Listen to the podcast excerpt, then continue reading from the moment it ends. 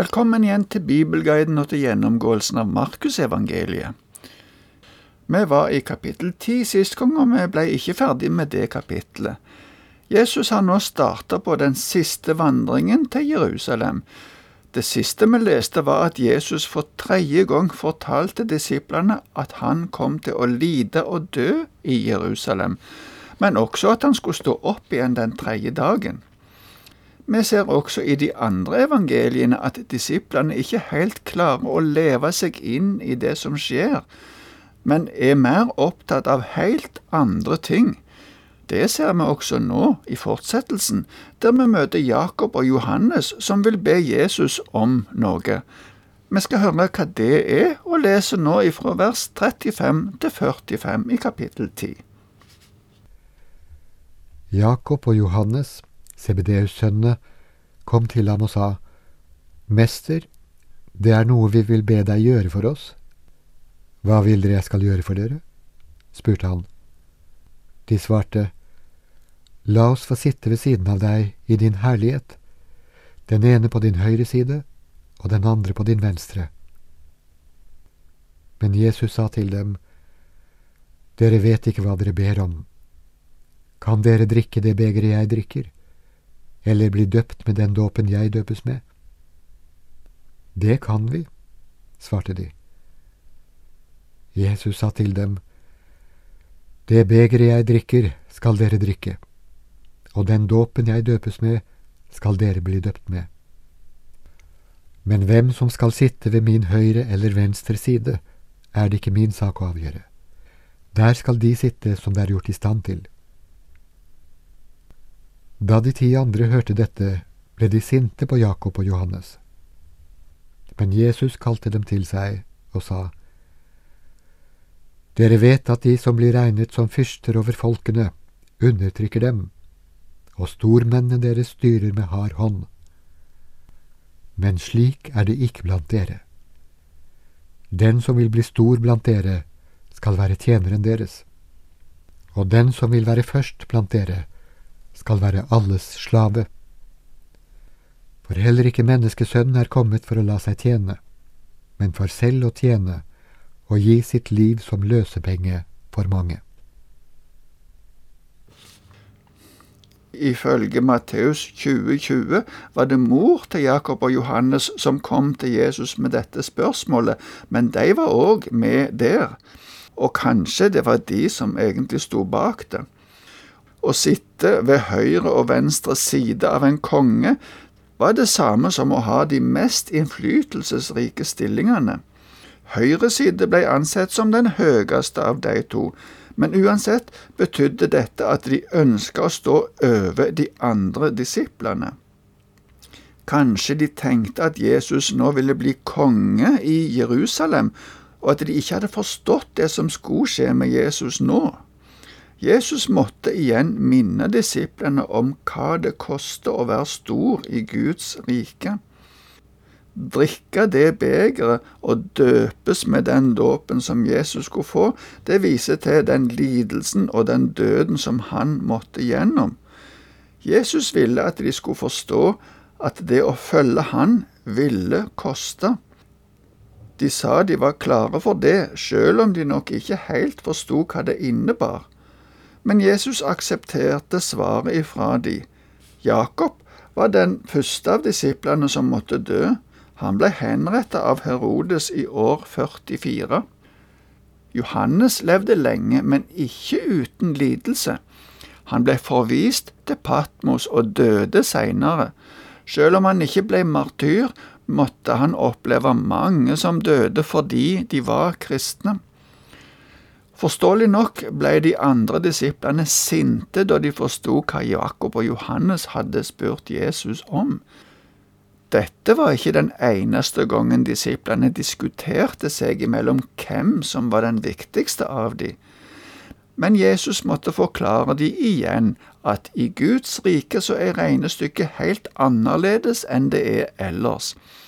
I verden er det makt og posisjonering som gjelder, men i Guds rike så er det snakk om å tjene hverandre. Dette ser vi ekstra tydelig på Jesus. Han kom ifra Gud, han forlot herligheten der for å fornedre seg sjøl og tjene oss, tjene hele menneskeheten. Det gjorde han ved å gi sitt liv som løsepenge. Det vil si som et betalingsmiddel for å fri oss ifra den evige utestengelsen ifra Guds nærhet. Jesus åpna en adgang til Gud. Han ga oss et eksempel for at vi skulle gjøre det samme. Det betyr ikke at vi skal gi våre liv for hverandre, men at vi skal tjene hverandre, ikke streve etter makt og posisjon. Med dette verset kommer det en dreining av fokus for Markus. Til nå har Markus skrevet mye om hvordan Jesus tjente menneskene ved å lære dem og å helbrede sykdommene.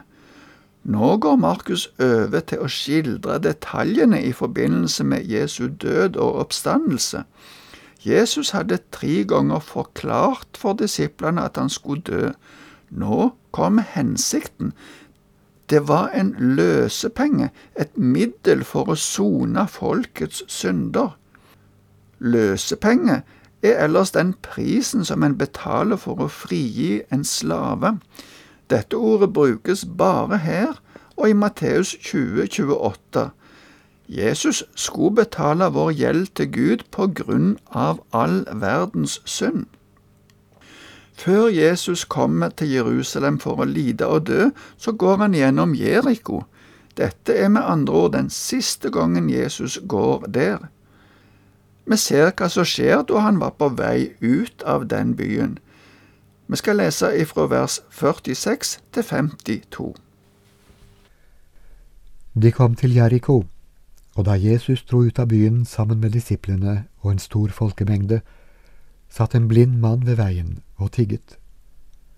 Han het Bartimeus, sønn av Timeus. Da han hørte at det var Jesus fra Nasaret som kom, satt han i og rope, Jesus, du Davids sønn, ha barmhjertighet med meg. Mange snakket strengt til ham og ba ham tie, men han ropte bare enda høyere. Du Davids sønn, ha barmhjertighet med meg.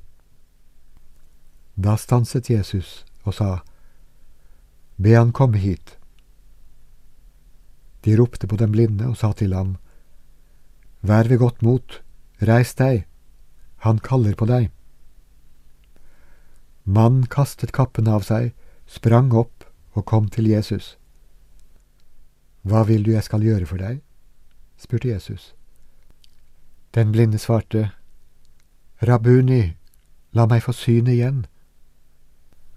Da sa Jesus til ham, Gå du, din tro har frelst deg. Straks kunne han se, og han fulgte Jesus på veien. Davids sønn er en messiansk tittel med det tiltalte Bartimeus Jesus som Messias. Han trodde med andre ord at Jesus var Messias. Det er litt spesielt at det er en blind mann som ser at Jesus virkelig er Messias. Hva tenkte folkemengden om dette? Akkurat det blir ikke kommentert, men det var i alle fall mange som ba den blinde om å tie. Det var kanskje først og fremst fordi de ikke ville bli forstyrra av den blinde. For folk flest hadde en blind ikke mye verdi. Han var bare en tigger og kunne ikke gjøre noe arbeid eller noen ting som helst. Men det kan òg hende at noen syntes det var feil at han ropte på Messias i denne sammenhengen. Bartimeus bare fortsatte å rope, ja, han ropte enda høyere.